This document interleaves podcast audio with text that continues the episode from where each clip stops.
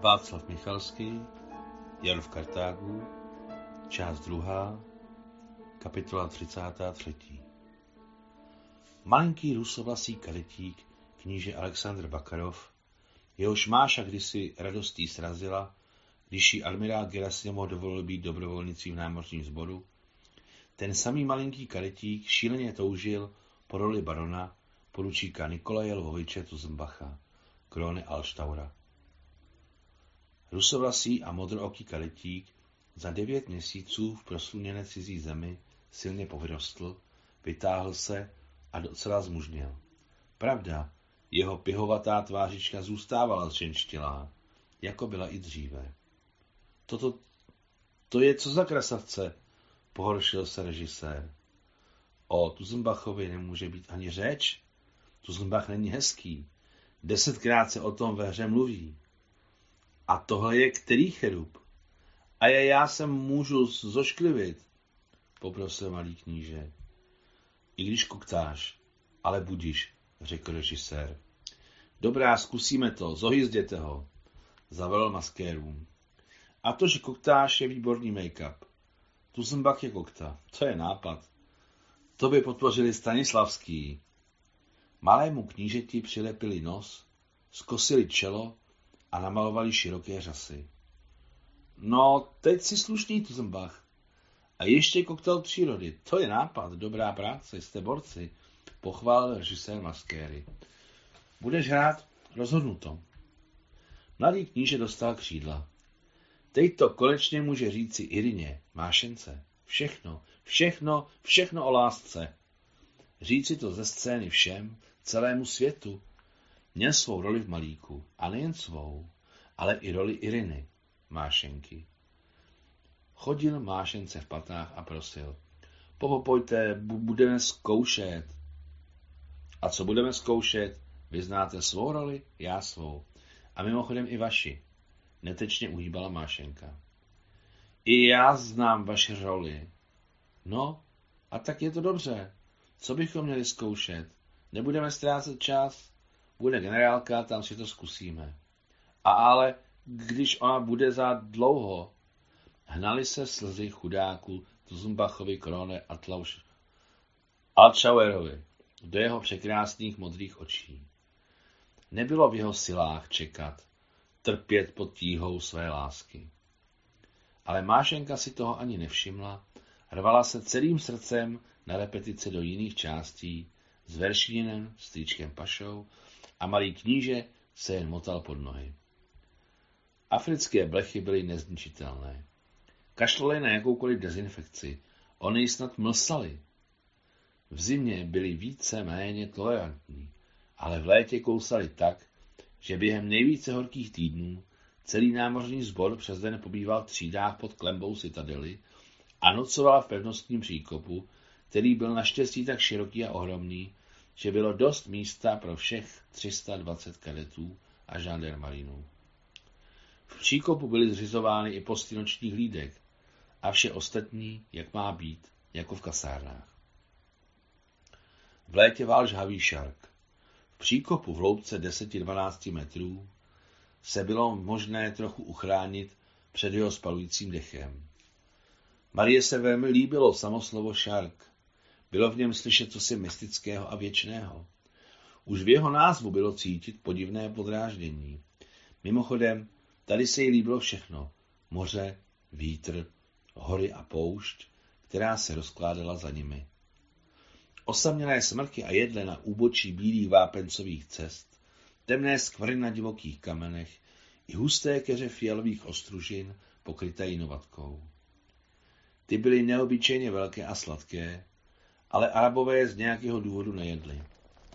Když se těšila na malého berbera, obchodníka s ovocem, který přicházel se dvěma rezavými osly, kteří měli tlustá břicha a byli na bocích ověšeni pupkatými dlouhými koši, plnými všeho možného, pomerančů, mandarinek, hrušek, jablek a datlí. Malý trhovec, jehož cesta sem vedla z Bizerty, zajížděl nejdříve do spodního tábora z Faja, kde žili s rodinami důstojníci sboru. Tam obchodoval, co to šlo, a potom se vydával k pevnosti, ke kadetům a žandarmariům. I když ti peníze skoro neměli, malý Berber k ním povinně šplhal se zbytky zboží. Měl zde své nefinanční zájmy. Tento Berber v malinkém fezu, bílé peleríně a modrých tureckých kalhotách miloval všechno vojenské a toužil stát se vojákem a ještě lépe vojenským námořníkem. Evidentně v něm řádili geny jeho předků, velikých mořeplavců, kartaginců. S nadšením se díval na pochodující roty zboru a, nejedno, a nejednou se ptal, nemohl by taky vstoupit do námořního sboru. Byl i díky tomu připraven naučit se rusky. Přesto ovoce, kterému zůstalo v košících, nerozdával kadetům, kteří se mu tak líbili, zdarma, ale snažil se něco vyměnit. Cenil si hlavně cínové knoflíky s kotvami, náraveníky a nášivky. S největší pravděpodobností potom byla u jeho vrstevníků dole v Bizertě poptávka. Mášenka měla s malým chytrým berberem své úmysly. Docela čiperně mluvil koloniální francouzštinou a to jim umožnilo tlachat o vše možné. Obyčejně byla na náměstíčku před pevností již poté, co všechny výměné operace proběhly a osly, lenivě přežvíkující svými černými hubami, již smutně pokukovali po svém pánovi, že prý už je třeba jít rychle domů. Mášenka vždy přicházela s binokulárem, který vysel buď na krku, na koženém řemínku v obalu, nebo ho držela v rukou a na krku se jí houpal, jen prázdný, příjemně vonící kožený futrál. Povídala si s malým trhovcem o čemkoliv, co jí napadlo, a přitom se dívala do dalekohledu. Řekne větu a podívá se do dalekohledu na hory, na moře a na bizertu. A malý berber vrtí hlavou a sleduje každý pohyb, až to nakonec zdá a zeptá se, mademoiselle, mohu se také podívat dalekohledem? A na co se chceš dívat? Když se zdívališ minule, řekne, řekne lhostejně Máša. Chci ještě, olízne se malinký berber a těžce zase vysouká. Deset pomerančů, deset jablek, deset, víc ani ne. Dobrá, měj se prcku, řekne mu Mášenka a poplácá klučinu po osmahlé tváři. Dvacet, poslední nabídka, zašeptá malý berber. Tak se měj, měj se. Zasměje se Mášenka a pokyne mu rukou. Padesát, konec, vykřikne trhovec se slzami nalitýma černýma očima. Sto, řekne ledabile Mášenka a podá mu dalekohled. Její ruka visí ve vzduchu, kupec čeká s odpovědí, tehdy se ona otáčí a odchází. Dobře, dobře, křikne za ní malý berber v malinkém fezu, bílé pelerince a modrých širokých tureckých kalhotách. Sto, sto! Transakce byla uzavřena. Kupec se dívá námořním binokulárem s 18-násobným svědčením na svou milovanou vlast a celá mášenčina rota si dopřává ovoce přímo z košíků, no kdo by to počítal. Ach, jak je sladké v krutém žáru oloupat si voňavou, blízkavou pomerančovou kůru a zakousnout se mladými zuby do šťavnaté, sladké a osvěžující dužiny. Když se podíváte na uličky a zákoutí spodního tábora z Fajat, nejsou vidět jen šedé, prkené ubikace běženců, ale i každá slepice koupající se v prachu. Je jasné, že ve Sfajatu je hodně slepic a hus. Dávají vejce, maso, podsadu, peří a nepotřebují žádnou péči. Mají jak mnoho voliér z králíky, tak své kozy, i ovce a krávy. Vždyť musí nakrmit tolik lidí. Mají i svou krejčovskou dílnu, kde vše od uniform pro kadety a žándarmariny, po večerní šaty pro parádnice v Bizertě. Naše ruské dámy se ukázaly jako vynikající ruční dělnice, které jak šily, tak vyšívaly, i pletly nejúžasnějším způsobem. Z Fajetu byla jak šeftovská dílna, tak prádelna při vlastní sauně, tak vázací dílna, kde vázali staré knihy a nové sešity pro námořní sbor. Disponovali i svými, i svým kamenotiskem, se kterým vydávali, je to možné tak nahlas říci, učební kurzy lektorů námořního sboru. Aktuální učebnice neměli a tak se z úcty lektoři rozhodli, napsat z paměti jak kurzy ruštiny, tak literatury, historie, navigace, balistiky, vyšší matematiky a fyziky. Stejně tak elektrotechniky, chemie, biologie a mnoha dalších. Naštěstí byla úroveň přípravy pedagogů námořního sboru natolik vysoká, že jejich žáci byli později za hvězdy na univerzitách v Evropě i v Americe a mnozí z nich se ještě stali vynikajícími inženýry, mořeplavci a architekty, jako například malý Tuzenbach. A další a další. Navíc tiskli litografickou metodou časopis Bizerský námořní sborník. Věčné svědectví o jejich existenci. Články měly vysokou kvalitu.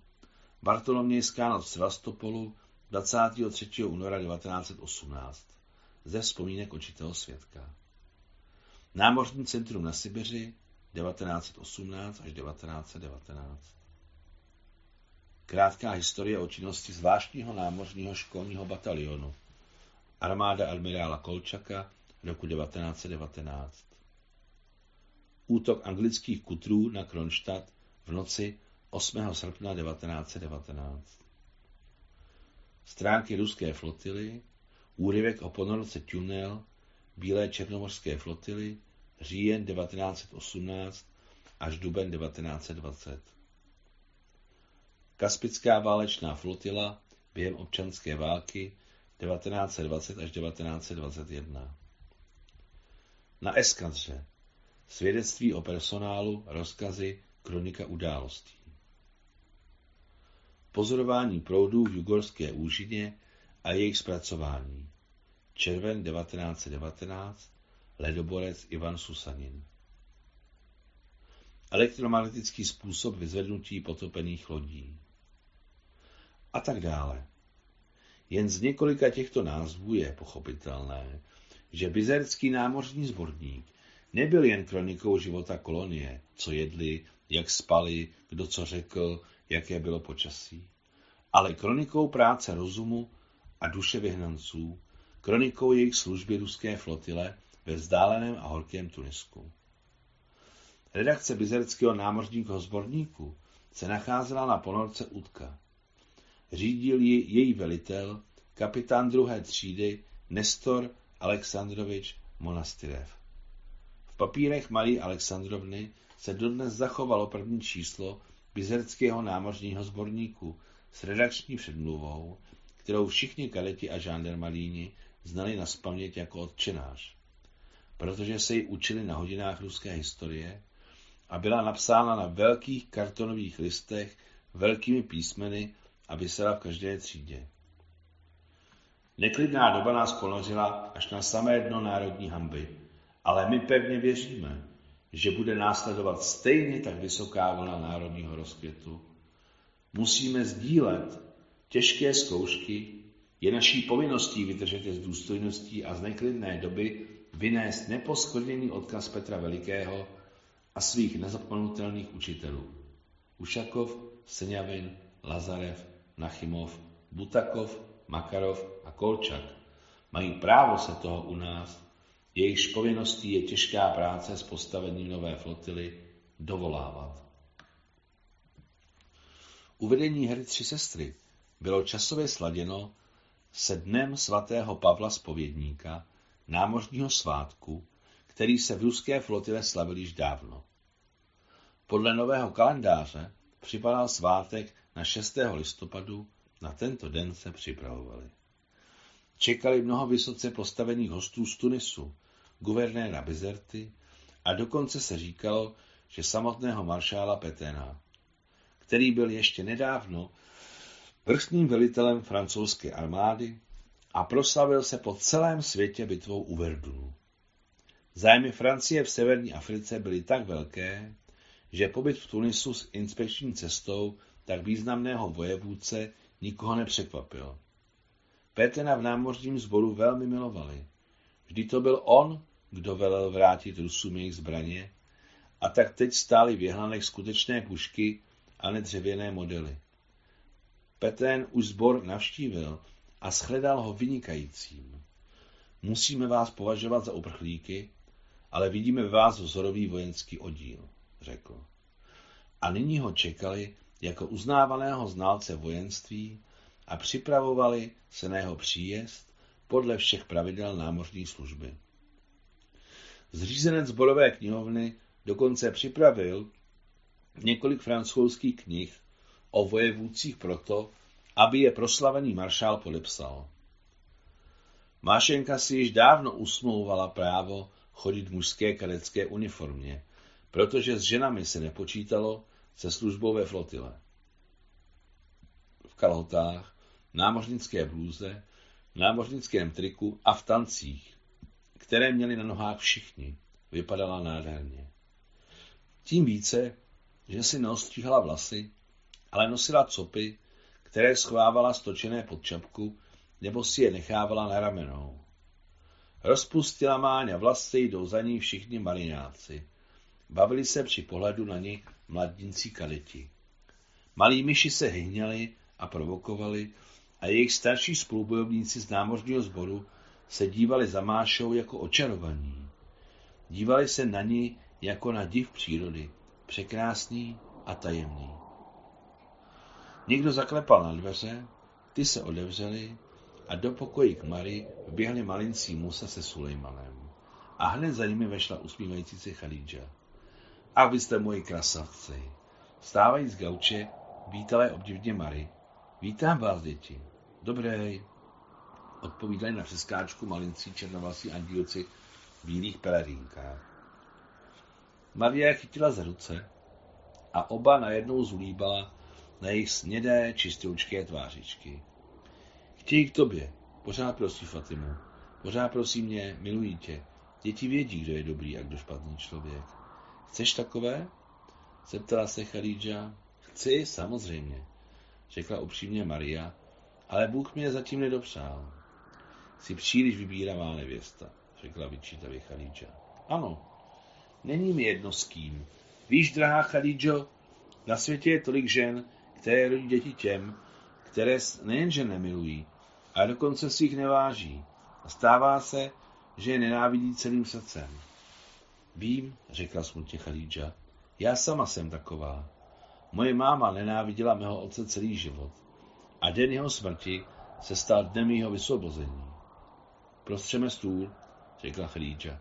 Půjdeme se najíst, ale prckové už jedli. Pan Hadžibek odjel služebně do Itálie a bez něj obě ženy a Mary obědvali v malé jídelně bez sluhy sami. Mladší žena Fátima s potěšením servírovala. Byla šikovná, bytá, zručná a úspěšná hospodinka. Velmi se jí líbilo, že všechno v jejich rukách jde samo sebou, bez nejmenší námahy, ale i společnost byla jímu srdce blízká. Nikdy jsem nepřemýšlela, jaký je rozdíl v tom, komu rodíš dítě, řekla Chalídža, která si očividně celou dobu pamatovala na jejich nedávný rozhovor. Ale ty jsi, Mary, moudrá, si máš pravdu. Sotva, drahá Chalídžo, guta fortune predolio sapienta. To je latinsky, kapka štěstí je lepší než soudek moudrosti. Mladší žena Fatima rychle sklonila vášnivé třpitivé oči a zlehka si olízla svůj plný horní rtík s lehkým chmířím. Fatima měla zjevně co říci, ale necítila právo měšovat se do rozhovoru starších bezdětných žen. Musa se Sulejmanem, kteří lezli po koberci, se o něco pohádali a s křikem se na sebe vrhli. Fatima je oba plásla přes zadek, vzala je na ruku a odnesla do dětského pokoje. Oběd byl velmi chutný, ale nebyl hlad. Šark tak byl za oknem, že se nic nechtělo dělat. Dobrá, drahá děvčata, řekla Mary. Půjdu k sobě do pracovny. Budu se válet na gauči s ruskou knížkou. Tak kolik dní ještě bude foukat ten vítr? Obrátila se k Fatimě, která se mezi tím vrátila. Devět. Celkem devět dní, radostně odpověděla Fátima. Celkem devět. Devět je moje oblíbené číslo, řekla Marie. Uvidíme se večer. V pracovně si Marie lehla na tvrdý gauč, který byl zaslaný lví kůží a vzala si do ruky svazek čechových her.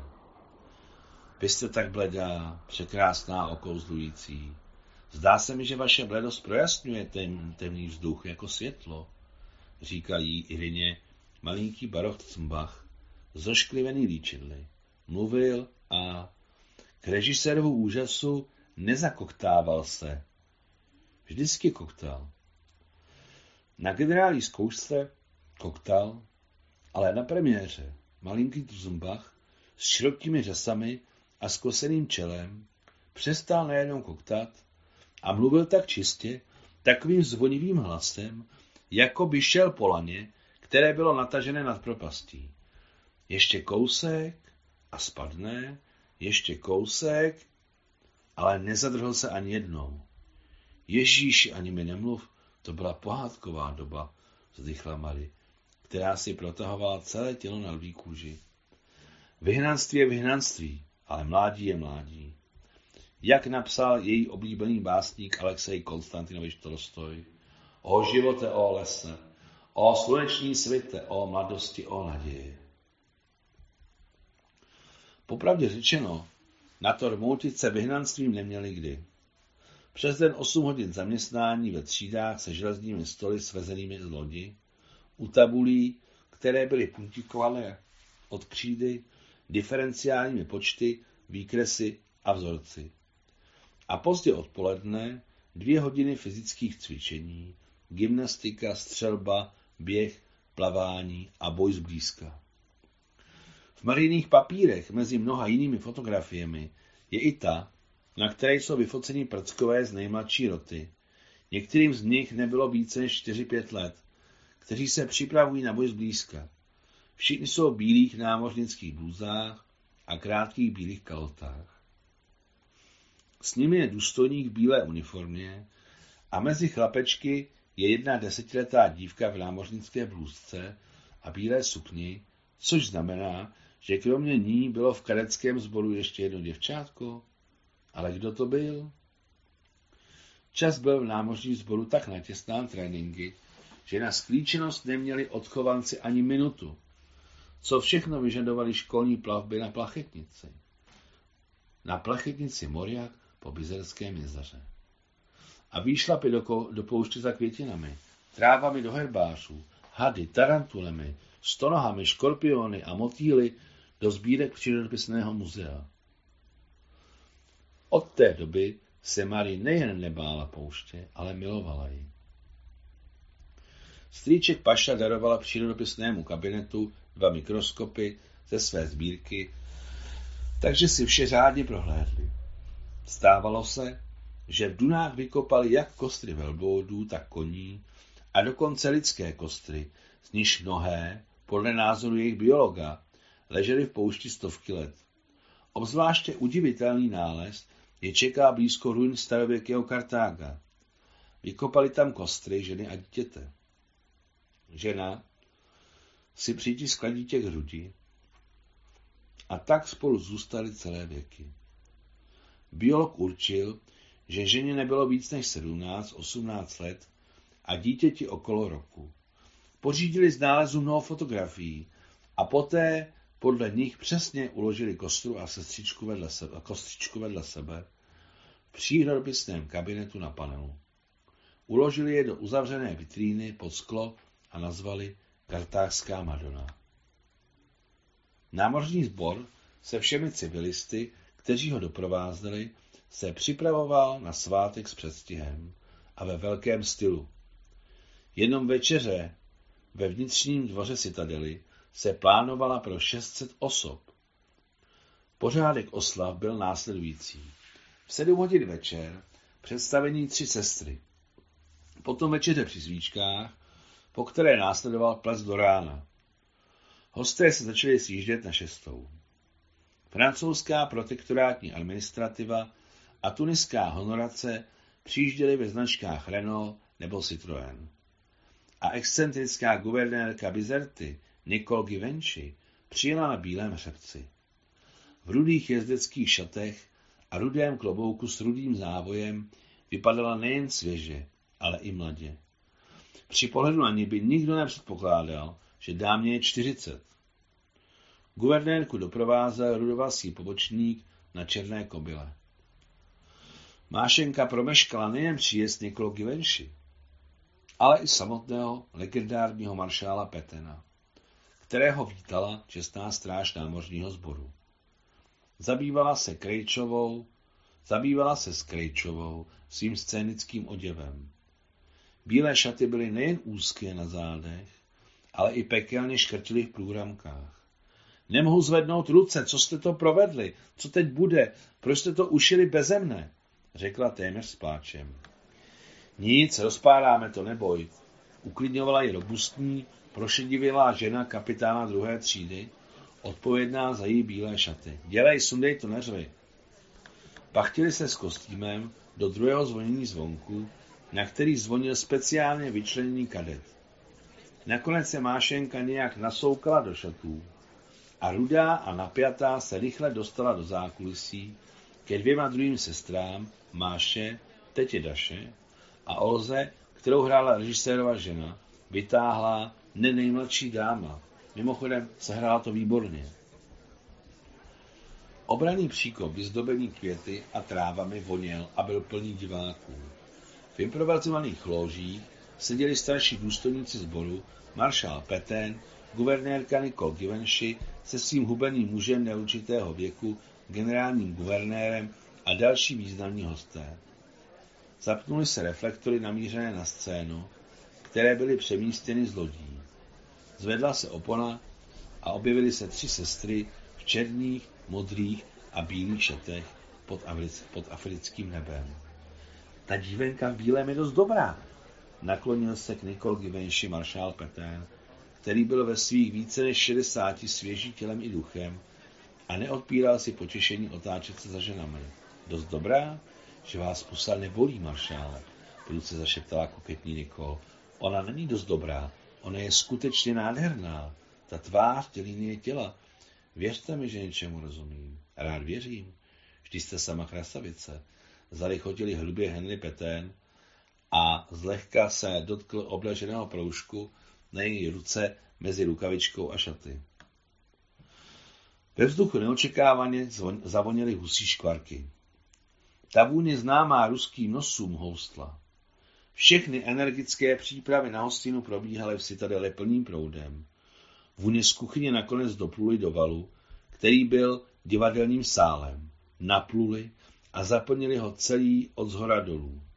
Mistrovi pečené husy voní, pronesl v úplném tichu, potichu, ale velmi zřetelně známou Čechovou frázi veršinin strýček Paša, který stál v zákulisí a nebylo ze sálu vidět. Za dvě sekundy se rozhostilo hrobové ticho a sál se začal válet smíchy. Smáli se z radosti až k slzám. Všichni rusové se chytali. Malí i velcí. Čemu se smějí? Zeptala se, zeptala se guvernérka nedaleko sedícího generála Gerasimova. Aniž se přestal smát s ostatními, vysvětlí dobrou francouzštinou, o co šlo. Stejně tak se Nikol Givenchy, stejně tak Nikol Givenchy vysvětlila maršálu Peténovi, čemu se smějí. Ten labu vždycky natáhl nosem vůně pečeného a také se s radostí rozesmál. První obraz představení byl zničen. Až před druhým dějstvím se to celé nějak dalo dohromady. Do Moskvy, do Moskvy, nesmyslně a smutně znělo ze scény, ale Moskva byla strašně daleko, za mořem, za horami a za temnými lesy. Máša. V zálivu je dub zelený, na dubu je řetěz zlatý, na dubu je řetěz zlatý. Vstane a tiše zpívá. Teta Daša, která hrála sestru Irinu, si vedla ve své roli výborně. Očividně to odpovídalo jejímu duševnímu rozpoložení. Pro Mášenku, Irinu, byl admirál Strýček Paša světílko v okně a pro tetu Dašu nebyl admirál, ale prostě muž, se kterým byla 12 let. Mužíček přejedl se hruštiček, jemuž mohla klidně říct Pavlíku mlč, prosím. Umlkala s pokorou člověka, který si nepamatoval, že nebyl někdy ženatý. Mášenka svou roli hrála mizerně. Červenala se, bledla, pletla repliky, ani chvíli nezapomněla, jak jí táhnou bílé šaty v průramkách a jak to muselo špatně vypadat při pohledu z hlediště. Nejednou zachraňoval Mášenku, Irinu, malý Tuzenbach, který zná její roli skutečně nás paměť. Dvě dějství hry prošly bez přestávky. Po druhém vyhlásili přestávku na 30 minut. Hlavně proto, aby se protáhli dřímající maršál Petén a jeho doprovod. Publikum bylo upozorněno na to, že třetí a čtvrté dějství bude také bez přestávky. Za mladé byla pařížanka Nicole Givenchy herečkou marsejské opery a důsledně se naučila, že během přestávky musí významní hosté do zákulisí, aby podpořili pány herce svou osvícenou pozorností. Dario Vladimírovno, vy jste do Veršína málo zamilovaná. E, o přestávce režisér vysvětloval jednomu po druhém, co dělali špatně. Je potřeba víc. A vy, Pavle Petroviči, jste tak vláčný, vždy jste domáši zamilovaný. Ne od mládí ženatý, ale zamilovaný. Zapomeňte, že jste admirál a že jste ženatý. Jak jako má zapomenout, že je ženatý? Zastala se veršína strýčka Paši Olga, režisérova žena. Co mu to radíš, Petříku? Všichni se tomu pobavně zasmáli, všichni kromě Iriny Mášenky. A Mášenka přemýšlela o tom, že tyta Daša asi skutečně strýčka Pašu nemiluje a vůbec je se svým malým ostrým nosem a kulatýma očima bez panenek podobná slepici. V tu chvíli vletěla do zákulisí guvernérka Givenchy. Ochranářsky všechny pozdravila, zvedla ruku v bílé rukavičce a hned se hrnula k mášence, Irině. Jsem z vás nadšená, mé dítě, zvolala guvernérka a objela mášenku. Jste nádherná, takové zrušení, takové procítění, tolik prožitku, takový talent. To je proto, že neumíte rusky, madam. Snažit se dostat z její obětí, odpověděla drze Mášenka. Kdybyste alespoň trochu uměla rusky, pak to, co říkáte, by byl vůči výsměch. Ola la, to je temperament, dobrá francouzština, máte pařížskou výslovnost. Vy jste se naučila francouzsky, mademoiselle. Doma. Zamumlala Mášenka a schovala se za režiséra. Guvernérka ustoupila, nečekala takovéto přivítání. Udělala krok za Mášenkou, ale zakopla o křivé, přibité prkno na jevišti a neupadla jen díky Veršininovi, strýčkovi Pašovi, který ji chtěl chytit za pas. Merci, admirále, jste také vynikající, řekla mu Niko a pokoušela se koketně usmát. Merci, madam, odpověděl admirál, strýček Paša a pomohl jí dostat se z zákulisí a sejít ze scény do hlediště. Na začátku třetího dějství se Nicole Givenchy zeptala admirála Gerasimova. Řekněte mi, kdo je ta dívka v bílém? Naše studentka, hraběnka Maria Merzlovská, dcera mého přítele admirála, co zahynul v Rusku. Ona je sirotek? Ano, madam, je úplný sirotek. Pokud nepočítáme mě, jsem její kmotr. O, le Perrin? Podívala se guvernérka. Pozoruhodné děvče. Děkuji, madam, také si to myslím. Nakonec začalo čtvrté dějství, poslední scéna s Veršininem, který se přišel rozloučit do domu se, třech sester Prozorovových. Brigáda již velel podplukovník Veršinin, opustila město. Baron Tuzenbach, jenž dostal výsluhu a byl v civilu, nabídl Irině, Mášence, ruku a srdce a ona souhlasila. Začali se chystat k odjezdu do nějaké slavné cihelny, kde budou pracovat. A mezi tím již Solený vyzýval barona na souboj a doktor Čebutikin čeká v sadu na Prozorovovi, kdy ho pozvou na souboj jako lékaře. Čekal, četl tehdejší noviny a nevěřil, že je to celé skutečné a ne jako, že v soubojích se zabíjí. Přišel i Veršinin, strýček Paša. Veršinin. Co vám ještě říct na rozloučenou? O čem si promluvit? Směje se. Život je těžký. Připadá mnohým z nás pustý a beznadějný. Ale je potřeba si přiznat, že je srozumitelnější a lehčí. Očividně není daleko doba, kdy bude naprosto skvělý. Dívá se na hodinky. Musí mít. Dřív lidstvo válčilo, naplňujíce všechny vám, vaše válečné výpravy, nájezdy a vítězství. Teď je to celé za námi. Nechalo to po sobě prázdné, obrovské prázdné místo, které se dosud ničím nezaplnilo. Lidstvo toužebně hledá a samozřejmě najde, ale aby to bylo brzy. Přestávka. Víte, pokud byste přidali k pracovitosti vzdělání a ke vzdělání pracovitost, dívá se na hodinky, i když stejně musí mít. Olga přichází. Samozřejmě, že se Veršinin přišel rozloučit především s Mášou, se svou milovanou. Vchází Máša. Veršinin. Přišel jsem se rozloučit. Máša, v roli teta Daša, vyšla spoza pravé kulisy, natáhla ruku v ústřety Veršininovi, strýčkovi Pašovi, a mi mohla udělat pohyb druhou a upadnout obětí. Ale v tu chvíli spoza levé kulisy Sotva, že nestrazila na zem Mášu, vyletěla Irina, Mášenka, která na scéně neměla v tomto obraze být.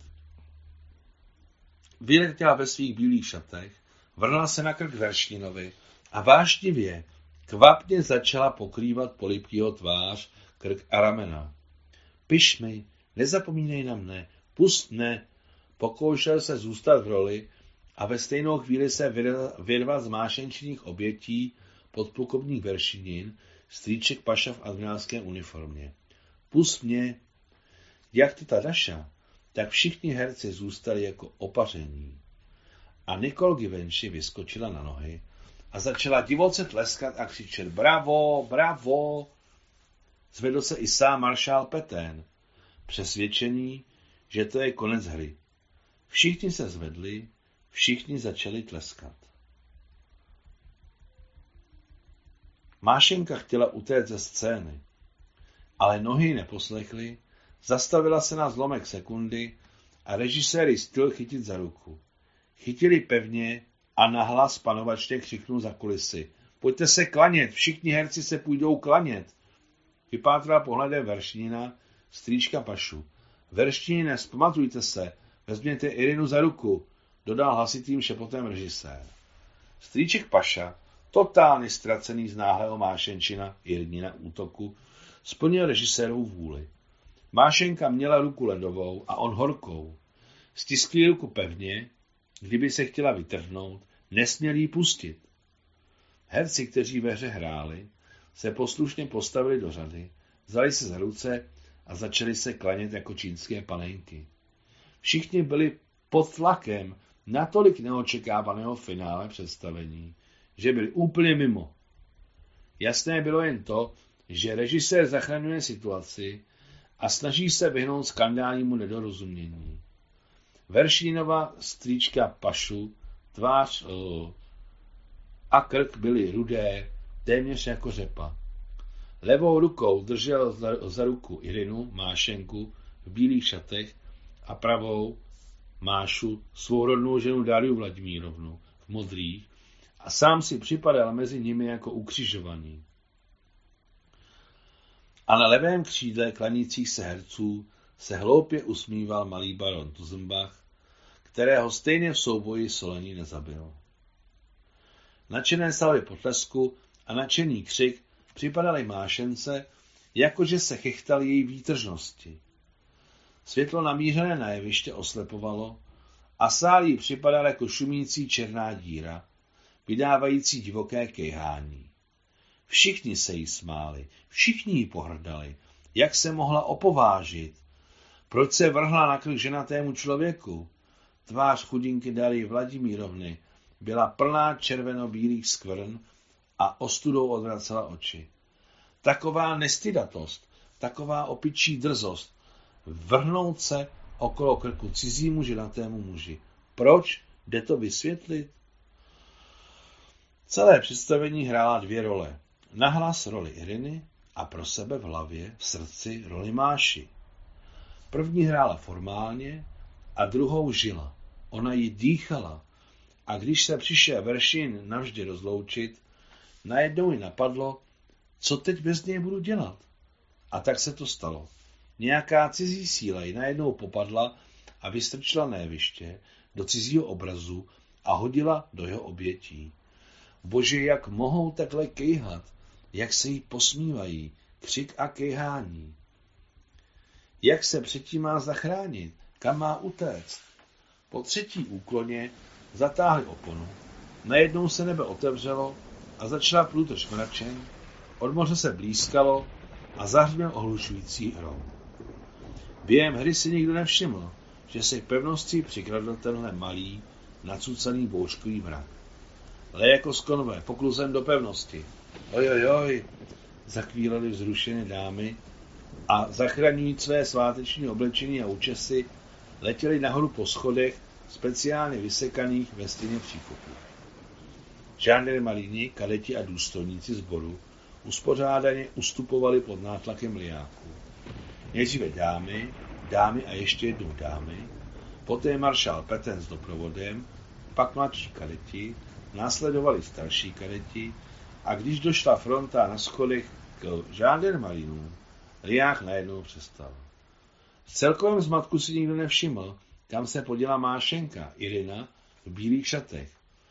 A ona mezi tím vylezla z příkopu na druhém konci, pokud byste šli okolo jeviště, v místě, kde byl příkop nejblíže k moři. Byl tam tajný průchod, jehož přikré schůdky kadeti obvykle používali v noci, když tajně chodili plundrovat arabské zahrady a vinohrady. Sestup z pevnosti po vnější straně příkopu byl velmi příkrý. Díky prošlapané cestičce se Máša dostala dolů a ani neupadla. Ani se nezranila a ostré kameny na úpatí kopce. Spouštila se s obtížemi, přidržovala se za keříky ostré trávy, zakopávala, ale přece se dostala dolů a šla k moři. Kráčela co nejrychleji. O ničem nepřemýšlela, jen o moři před ní jako o způsobu, jak se zbavit té palčivé ostudy. Jen odejít, jen utéct před otřesným hukem, co má v uších a nemizí ani vteřinu. Ha, ha, ha, ho, ho, ach jo, a tu je. Před, před, stále před. Ještě 300 metrů. A tamhle je útes, co znám.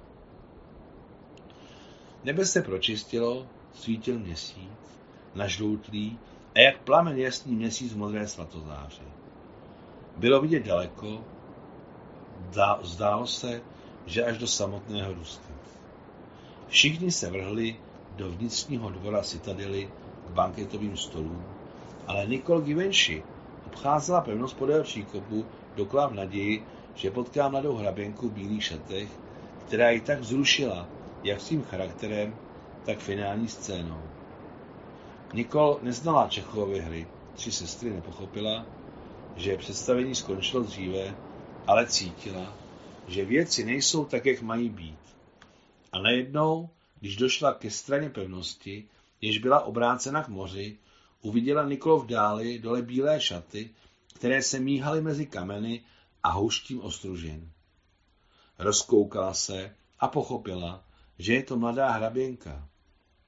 Nikol byla důvtipná a vrhla se k východu z pevnosti, ke koním, kteří byli přivázáni k bržlení poblíž brány. Naštěstí se objevil i její pobočník. Došel jsem náhodou, když hledal guvernérku. Do sedla, zavelila Nikol, rychle odvazujíc svého bílého koně. Co se stalo, madam? Do sedla! Pobočník jí pomohl vyskočit na koně. Sám odvázal svou černou kobylu a odvážně se na ní vyšvihl s udatností opravdového jezdce. Za mnou, rozkázala Nikol a cvalila dolů od pevnosti po bílé vápencové cestě k moři. Cesta vedla k oklikou, ale Mášenka se drala přímo k útesu. Tak se zbližovali, prudce a neohradně pomalu, jako ve snu, když se chce utíkat a není síla a tebe dohánějí, dohánějí a už už tě mají. Mášenka před sebou neviděla nic, kromě ostružnových keřů, skrze které hledala průchod a prodírala se, zdírající do krve ruce, nohy, ramena a zamazávající bílé šaty tmavou jahodovou šťávou. Nikol za ní štvala svého koně, co to šlo. Mášenka se nakonec prodrala na čisté místo a téměř mrtvá se houpovou chůzí vydala k útesu, ke kterému jí zbývalo 70 metrů. V tu chvíli Nikol a její pomocník také dorazili k mořskému břehu a koním od kopyt těžce odlétával mokrý písek.